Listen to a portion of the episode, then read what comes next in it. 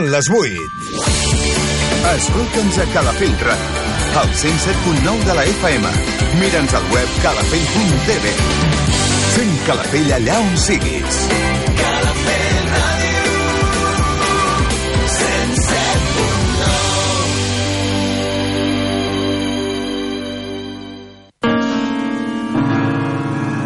107.9 L'Hora del Jazz un programa que t'apropa als millors compositors i les obres del gènere més rellevants.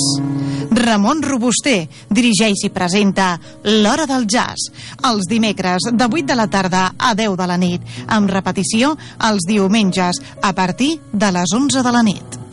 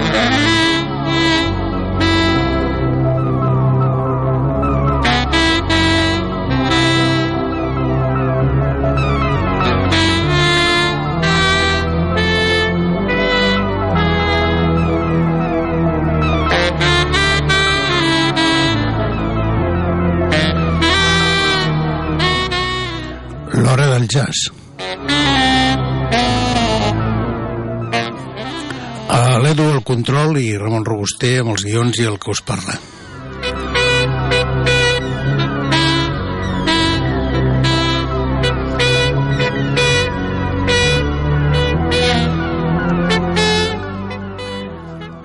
El passat dia vam dedicar una bona part del programa a repassar l'última publicació que feia molts pocs dies que havia sortit a ECM del de, tercer concert que ECM ha posat a la venda dels, de la gira que el senyor Kay Jarrett va fer a l'any 2016.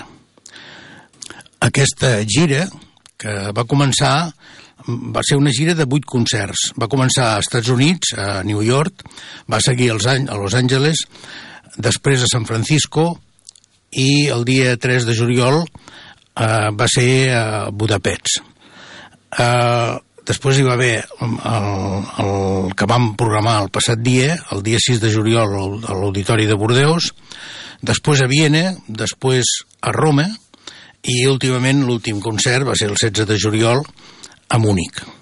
ECM va començar una mica l'història al revés. Va començar per publicar eh, el 2019 el, el concert de Múnich.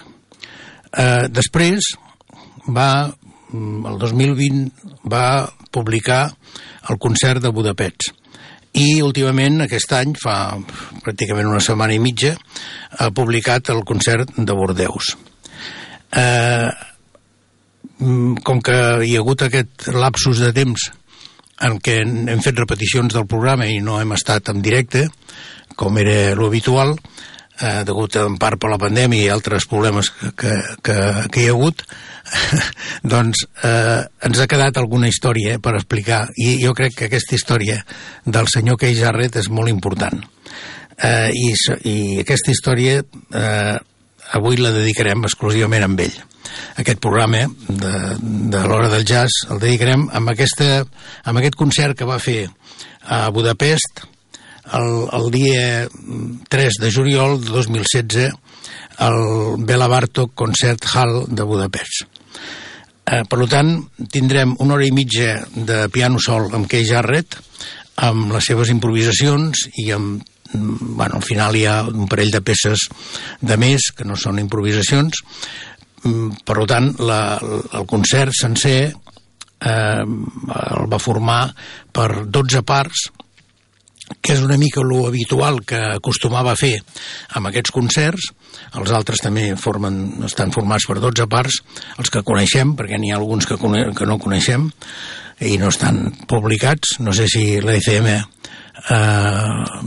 té l'intenció d'anar seguint amb aquestes publicacions eh, de Kay Jarrett. No, no, la veritat és que valdria la pena, si és que ho tenen i ho poden fer, valdria la pena tindre aquestes publicacions, perquè el tema és que el 2018 Kay Jarrett va patir dos ictus que després d'una lluita important el van deixar amb la mà esquerra una mica paralitzada. També ara no sé com està però en aquells moments eh, no caminava tampoc bé. I bueno, això vol dir que tots aquests, tota aquesta gira del 2016, tots aquests concerts que va, que va fer, aquests vuit concerts que va fer, són el seu llegat eh, últim, pràcticament perquè el New York Times, el 21 d'octubre de 2020, eh, va imprimir un article eh, destacat titulat Kay Jarrett Confronts a Future Winthought de Piano. Uh, allí explicava, l'artista diu que va revelar que això, que el 2008 havia patit aquests dos cops importants eh, sense poder fer servir la mà esquerra posant fi efectiva a la meva carrera d'intèrpret. Eh, també deia, ho llegeixo, ho tradueixo directament, eh, no sé quin se suposa que serà el meu futur. No em sento ara mateix com si fos un pianista. Per tant, eh, la cosa està així. Jo no tinc més notícies des d'aquest 2020 que va fer la publicació del New York Times eh, i, i suposo que deu estar en la mateixa situació. Per tant, aquests concerts són molt importants i si sou eh, amants de la música de Kay Jarrett i, i bàsicament jo crec que no teniu de tindre a la vostra discoteca tant siguin BLP com en CD, que s'han publicat amb les dues versions tots els concerts, aquests tres últims que fins ara ja ha publicats. Repeteixo, els tres últims que hi ha publicats són el de Múnich, el de Bordeus, que el van publicar fa una setmana i mitja, bueno, a final, de, final del mes passat, no, no, final del mes passat no, a final de... de uh, a veure, espera't, uh, això uh, va sortir fa una setmana, em sembla. Pràcticament, nosaltres ho vam posar només via, el 30 de setembre va sortir. Bueno, un mes fa. Uh, estava equivocat. El que passa que això de no fer els programes en directe a vegades em descontrola una mica. Uh, i, i com no, aquest que és el concert de Budapest. Eh, per molts motius, per molts motius, eh, aquest concert, mm, segons el mateix Jarret, amb declaracions que ha fet, per ell és el millor de tots. Ell és, per ell és la, la joia de, de la corona, no? És el concert més important de tots aquests i el que més satisfet està. Eh, les cròniques que hi ha publicades sobre aquest concert eh, esmenen que la seva per part de la seva mare, la seva àvia, era de, de, de la zona, de, de Budapest, eh, i que eh, els, bueno, hi ha unes certes arrels, no? Després hi ha lligams molt importants també que amb aquest concert es noten amb algunes de les composicions com que eh, la influència de Bela Bartok, per exemple, i d'altres músics també de la zona. Eh, com us he dit, eh, farem els 14, les 14 peces senceres les anirem repartint de dos en dos, de, millor algun, en algun moment seran quatre de seguides, però tindrem el plaer de poder escoltar tot aquest concert sencer d'aquell Jarret de la, el concert de Bordeus. Eh, comencem amb la primera part i la segona. Eh, la primera és possiblement la més complicada, la més la que és menys accessible, per dir d'alguna manera. Pràcticament aquests concerts tots comencen d'aquesta manera, amb una peça bastant llarga, que en aquest cas dura quasi 15 minuts, i eh, aquí bueno, és complicada perquè hi ha molts girs, molts tons, molts tempos intensos, eh, a vegades amb uns tons foscos, aquests eh, eh barrejats eh, amb motius que, que, que recorden eh, la seva admiració per el que hem comentat abans, per Bela Bartok. I després eh, la cosa es tranquil·litza, queda molt suau, eh, aquestes coses que, que, que, que són totalment increïbles de Jarrett i es crea amb la segona peça, amb la segona part, perquè aquí hi ha 12 parts, que és una suite, que representa que és com una suite amb 12 parts. Per tant, no hi ha, no hi ha nom de cap peça, perquè tot és improvisat totalment, i eh, la segona part crea aquesta, una, llibera aquesta tensió amb unes, amb unes notes que sembla que sí que faci preguntes i que faci respostes constantment, ja veureu que és una peça preciosa. Anem per la primera part i la segona. Sagona.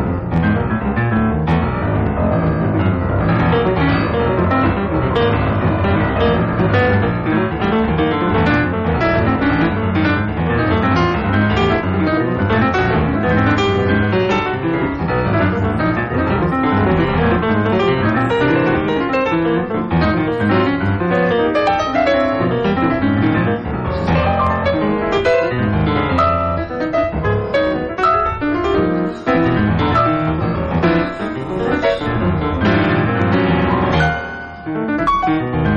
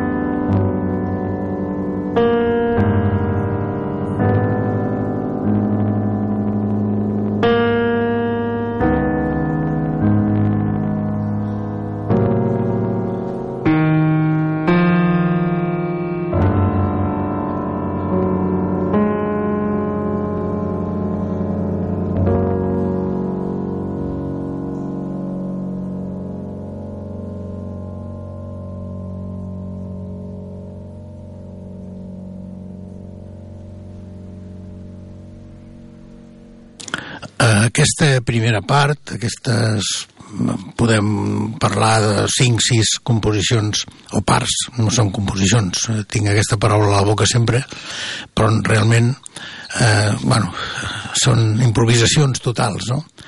Eh, aquestes primeres parts són més complicades que a mesura que va avançant aquesta descripció d'aquesta suite. Eh, la gent li diu que va fer com una espècie de suite perquè realment són peces independents, són 12 peces independents, no n'hi ha massa relació entre unes i les altres, eh, però sí que la primera part, com us dic, té més complicació eh, i després la cosa es va relaxant i hi ha alguns moments que comentarem amb aquests lirismes fantàstics i increïbles de Keith Jarrett. Ara anem per la 3 i la 4, seguides també. La 3 és una peça complicada, amb amb molt de, amb molt de amb un lirisme que fa que sigui més agradable. Realment és una peça de les complicadetes d'aquest concert. Però aquest lirisme, com us dic, eh, fa que, que la tensió es vagi creant d'una forma de mestre, que, que només sap fer ell, fins al, fins al final que, que es llibera d'una manera eh, bueno, ja, ja ho sentireu. I la quarta, eh, hi ha una progressió amb un blues d'aquests, eh, un blues una mica dramàtic, eh, mentre amb la mà, amb la esquerra va fent aquestes notes eh, i, i va dialogant de, de forma repetitiva amb la dreta. Eh, una altra maestria d'aquestes al·lucinants d'aquell Jarret que ens té, que ja hem escoltat en altres ocasions, però que sempre eh, amb, aquests, amb aquests concerts, amb aquests tres que, que parlem, que fins ara coneixem d'aquesta gira del 2016, hi ha moments similars, hi ha moments que tenen similitud, però realment el que diu el Kei Jarret, de que per ell és el preferit aquest, eh, ho diu d'una manera, diu és l'estàndard d'or, que es pot comparar a la meva actuació actual, no? la meva situació actual, doncs és veritat, perquè tot i que fa alguna cosa que ja sembla que hagis escoltat, però realment t'aporta per uns camins diferents amb unes melodies diferents. Anem per la 3 i la 4.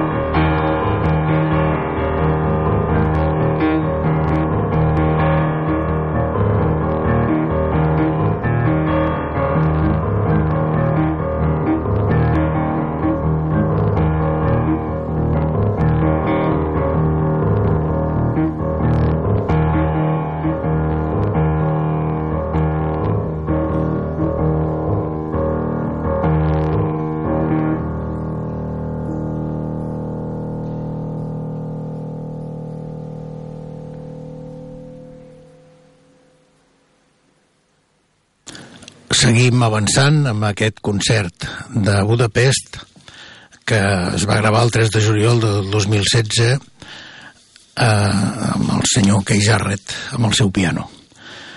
Eh, aquestes ara posarem quatre parts seguides la 5, 6, 7 i 8 eh, no, ja he dit abans que la, la, les peces, les parts eh, no tenen massa relació però sí que hi ha moments que bueno, aquesta vegada m'ha agradat ajuntar aquestes quatre perquè jo crec que eh, tenen, bueno, tenen com una petita continuïtat.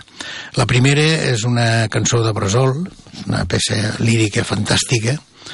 Eh, la segona hi ha moments entre el, el pop, el, el, el ragtime, el blues, eh, sempre amb, amb, amb molta delicadesa i amb molta alegria, no? Hi ha moments que eh, estàs notant que el senyor Jarrett us ho està passant d'una manera increïble. Aquí sembla que aquesta sensació la tens. També hi ha moments eh, que amb, el, amb, el, amb, aquesta, amb aquest concert que és el contrari, no? que sembla que hi hagi una certa melancolia o com una tristor, però aquí no. Aquí hi ha, amb la peça 6 hi ha un, una, una alegria fantàstica d'aquell Jarret. Uh, la 7 és una balada d'aquestes dolces, amb textures eh, i notes sorprenents eh, que tenen molt de sentiment. I la 8 també és una entrebalada d'aquestes eh, amb, molt, amb, amb molta suavitat i quasi, quasi, podríem dir, quasi una mica impressionista. Uh, la 5 i la 7 són peces d'aquestes que coneixem en altres moments de Jarret, però jo crec que aquí amb aquest concert supera quasi tot el que té raó, eh? amb aquest concepte de que per ell és el millor concert. Hi ha moments amb aquestes quatre peces que, que hi ha diferències importants amb altres concerts. Anem per les quatre.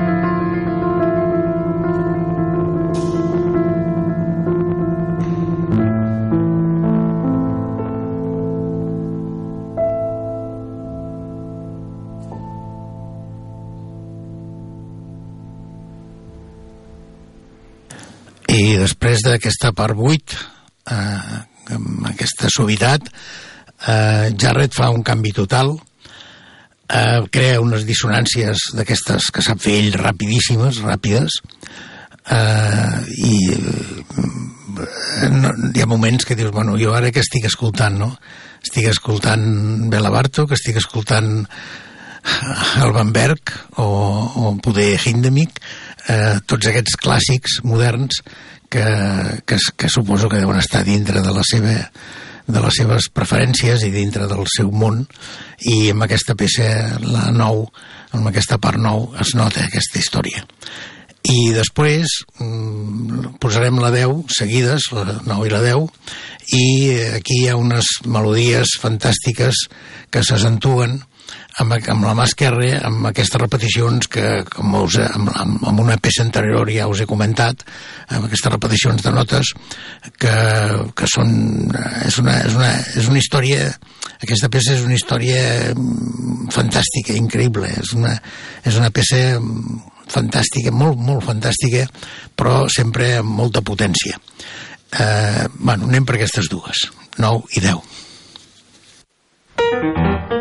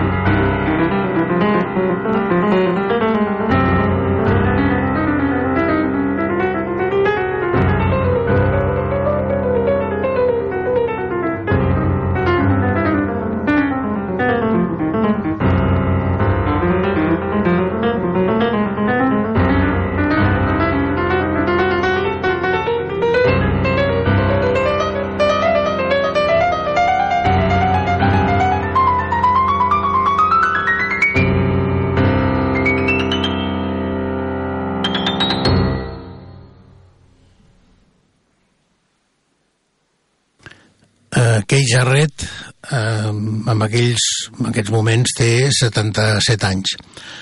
Eh, quan es va gravar eh, aquest, aquestes, aquests vuit concerts, no quan es van gravar, quan es van fer aquests vuit concerts d'aquesta gira del 2016 eh, estava en una plenitud total de forma i de...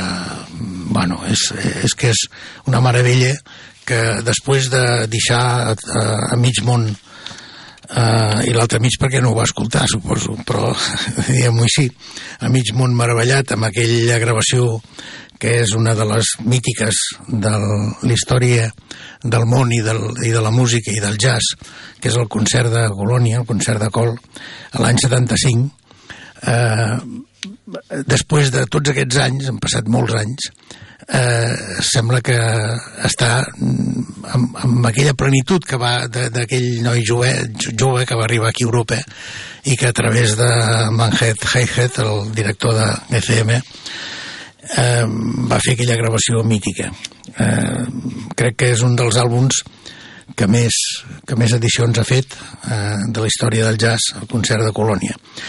Eh, aquests concerts el que fan és mm, eh, notar que Jarrett, eh, després de tota la seva història amb, amb participació amb molts concerts de música clàssica, en participació amb el seu trio, famosíssim i increïble, i amb, amb, amb altres moments eh, que ha tocat coses molt especials i que a la mateixa ECM, amb l'apartat de música contemporània i clàssica, té gravacions de, de música contemporània i de música clàssica, inclús bueno, coses de Bach, en fi, tot, tot el, que, el que hi ha, que podeu trobar sense cap problema i que estan eh, perfectament a la venda, doncs tot aquest, eh, tot aquesta, aquest, aquest moviment des del 75 fins a, fins a aquest moment del 2016 eh, m'ha durat d'una forma increïble.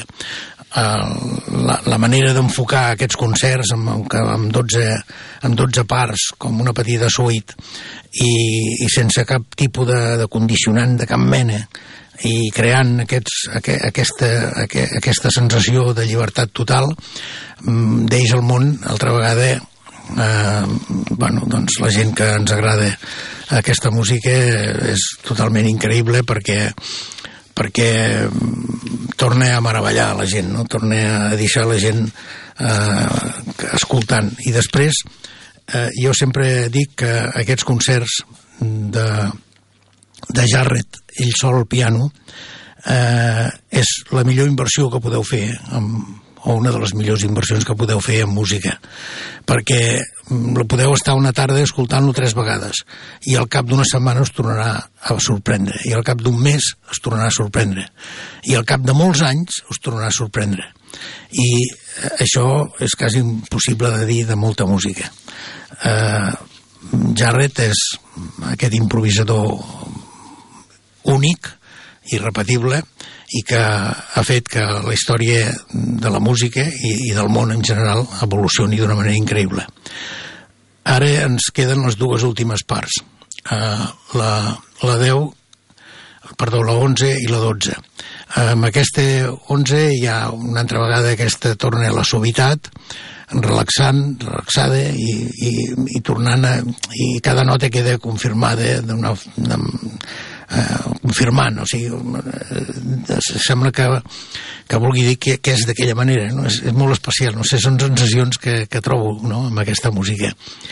I després la part 12 acaba com en moltes altres ocasions, que aquí, aquí ho fa com a final. En altres ocasions ho feia més, més endavant. Però bé, no, més endavant hi ha hagut algun de blues. Doncs acaba amb aquell blues eh, de, de sensible, i que, i que, que dona, dona la sensació i sembla indicat que, que s'ho està passant bé, que ha sigut fantàstic el que ha fet, que s'ho ha passat bé i que, bueno, i que acaba d'una manera que tothom fa moure el peu, tothom eh, balla amb ell, no? tothom està amb ell i, i jo crec que aquest, aquest, aquest blues, precisament, aquesta part 12, aquest blues, és dels millors que he escoltat. És el més musical, el que té més... més eh, no sé, és el que més m'agrada, vaja. Eh, anem per la part eh, 11 i la 12 amb aquest sensacional blues.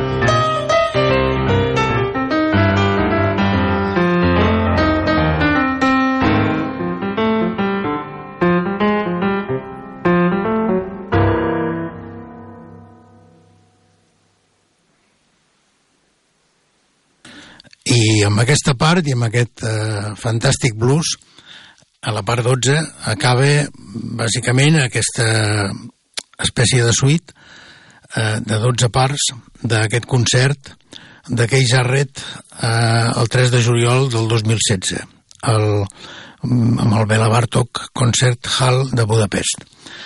Eh, vull remarcar eh, aquests vuit concerts que va donar el 2016 eh, quan us he dit al començament on havien estat fets eh, no he dit una cosa que podria ser és una dada curiosa i interessant el 9 de febrer ho va fer a New York el 29 d'abril ho va fer a Califòrnia a Los Angeles a la mateixa Califòrnia, a San Francisco el 2 de maig i després va ser el primer, aquest que estem escoltant avui, el de Budapest, va ser el primer a Europa.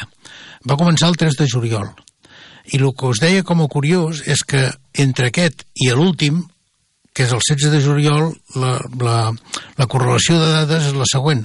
El 3 de juliol, al Palau de les Arts de Budapest, que és el concert que, estem, que hem escoltat avui, eh, falten els dos visos, amb dues composicions que ara escoltarem.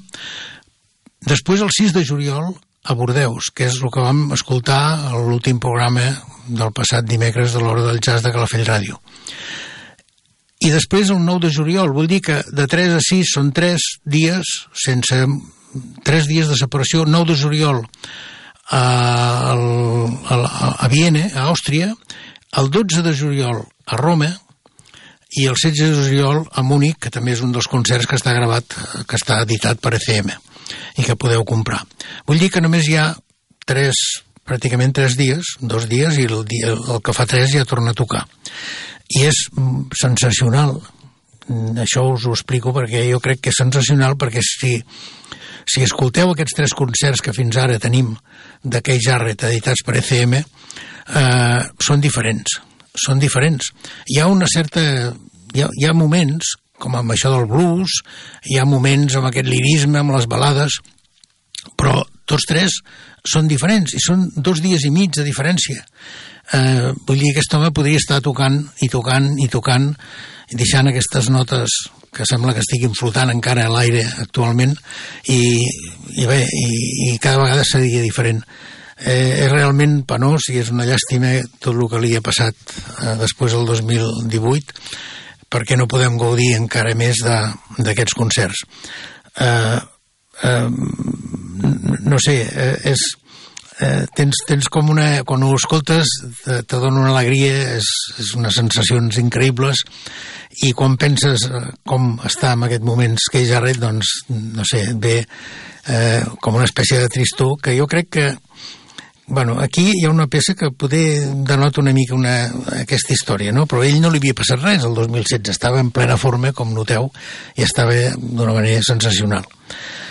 Uh, els visos aquests que va fer és una composició que s'anomena és un nucli antic solitari i, i és una peça que tots coneixeu del Charles Kis, uh, Kisco i el Harry Tobias.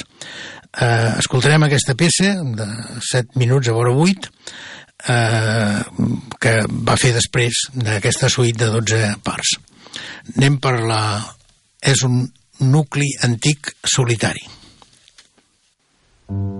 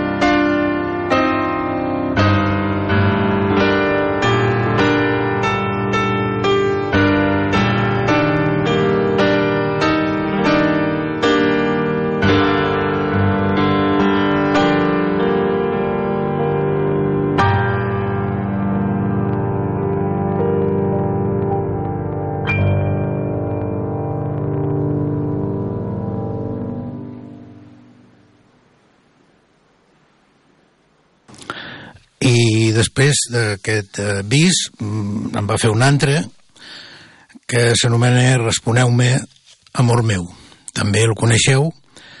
Eh, es tracta d'aquell èxit extraordinari que va tindre Nat King Cole el 1954 i aquesta versió que fa Keith Jarrett és, bueno, és, és una meravella, és una real meravella.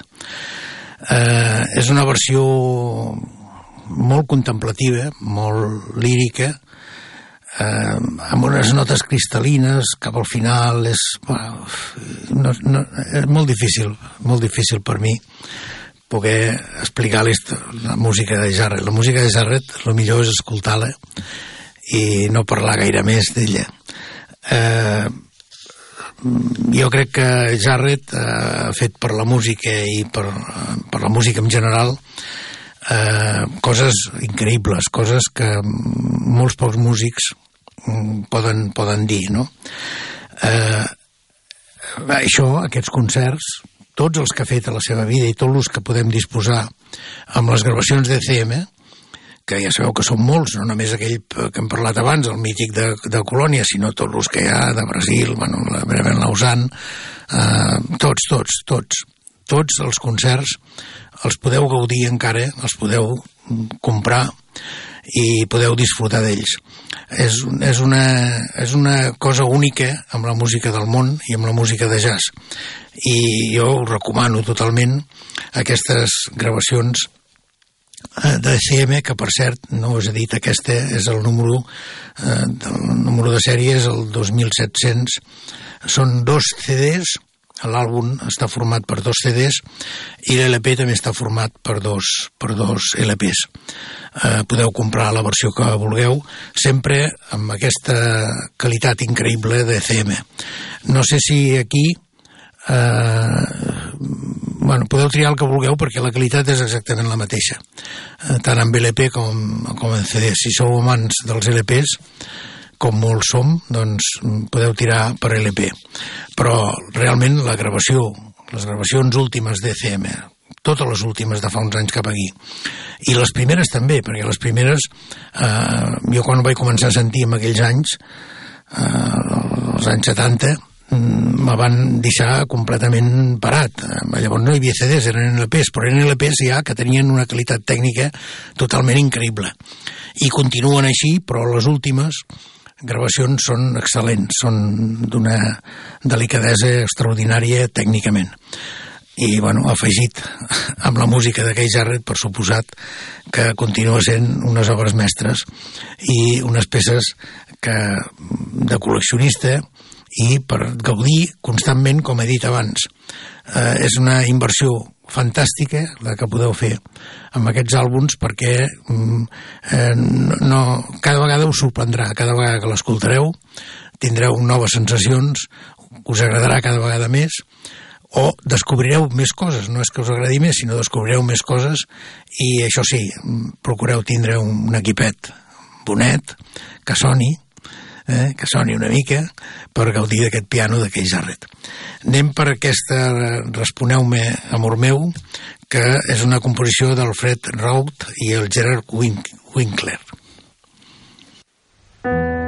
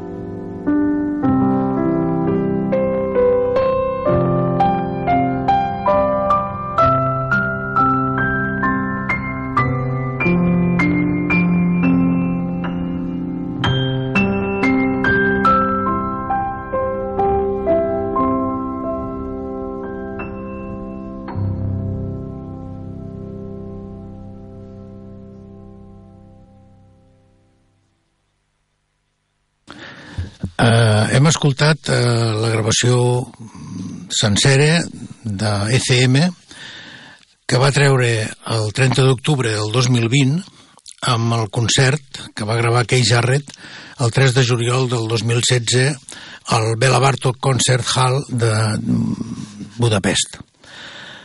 Eh, els escrits que té ECM, la, la web d'ECM, interessant sempre, sempre és interessant, eh, una, un petit escrit diu el següent. Eh, darrerament, Kay Jarrett diu que considera el concert de Budapest com el seu estàndard d'or, com el seu estàndard d'or actual. L'obra de referència amb la qual es podrien mesurar altres enregistraments en solitari. Eh, per aquest motiu hem volgut portar el concert sencer, amb els dos visos aquests que hem sentit eh, al final, que va, que va fer, les 12 parts que formen la suite i els dos visos aquests d'acomiadament. Eh, com ja he explicat, durant el programa eh, Jarrett està invalidat, està invàlid amb la mà esquerra, no pot tocar, i ell mateix el 2020 eh, a través d'un comunicat al New York Times va fer una explicació dient que no se sentia com un pianista. Per tant, aquests concerts que ECM ha tingut, eh, bueno, ha publicat, eh, són possiblement el seu llegat. Si no, més endavant no en surt algun altre, perquè dels concerts d'Europa eh, n'hi ha tres de publicats, però en queden encara el de Viena i el de Roma, que no han estat publicats. No sé si ECM això ho anirà fent. Eh, eh, els concerts de Múnich, l'hora del jazz de Calafell Ràdio el, va, el, el van portar, el vam emetre el 13 de novembre del 2019. A través de la web de, de Calafell Ràdio podeu anar als podcasts de, de, de l'hora del jazz i allí trobareu aquest programa, si us interessa conèixer una mica la part que vam eh, estar escoltant d'aquest eh, concert de Múnich. El de, el de Bordeus el vam eh, està posant no sencer, va, va quedar algunes petites, 4 o 5 parts sense posar, de les 12 també que tenia eh, el passat dia. El, el que van fer, l'altra vegada van començar a fer programes eh, en directe. I avui m'ha semblat interessant, perquè amb la pandèmia no ho vam poder fer, de tindre sencer aquest concert de Budapest que, com ell mateix us ha explicat, és el seu estàndard d'or. Eh, sempre que hi hagi novetats de Jarrett, per suposat que la Fell Ràdio i l'Hora del Jazz estaran aquí per, per posar-les i bé mm, torno a repetir mm, és, són peces totalment imprescindibles i que teniu de tindre, que teniu de tindre la vostra col·lecció i que podeu gaudir sempre per molts anys que passin, perquè aquest concert primer famós de Col, si el torno a posar avui, torno a gaudir-lo. Han passat tants anys, però és una meravella. I tots els demés també, qualsevol dels demés, que afortunadament els tinc tots, doncs els, els, els gaudeixes constantment. Ha sigut eh, un plaer avui eh, presentar aquest àlbum i tindre aquest àlbum sencer de Jarrett i, com sempre, l'Edu està del control que sigueu bons i sobretot escolteu jazz. Connecta't a calafell.tv Estàs només a un pas per donar a conèixer el teu negoci a tot Calafell. 977 69 44 44. Anuncia't a Calafell Ràdio.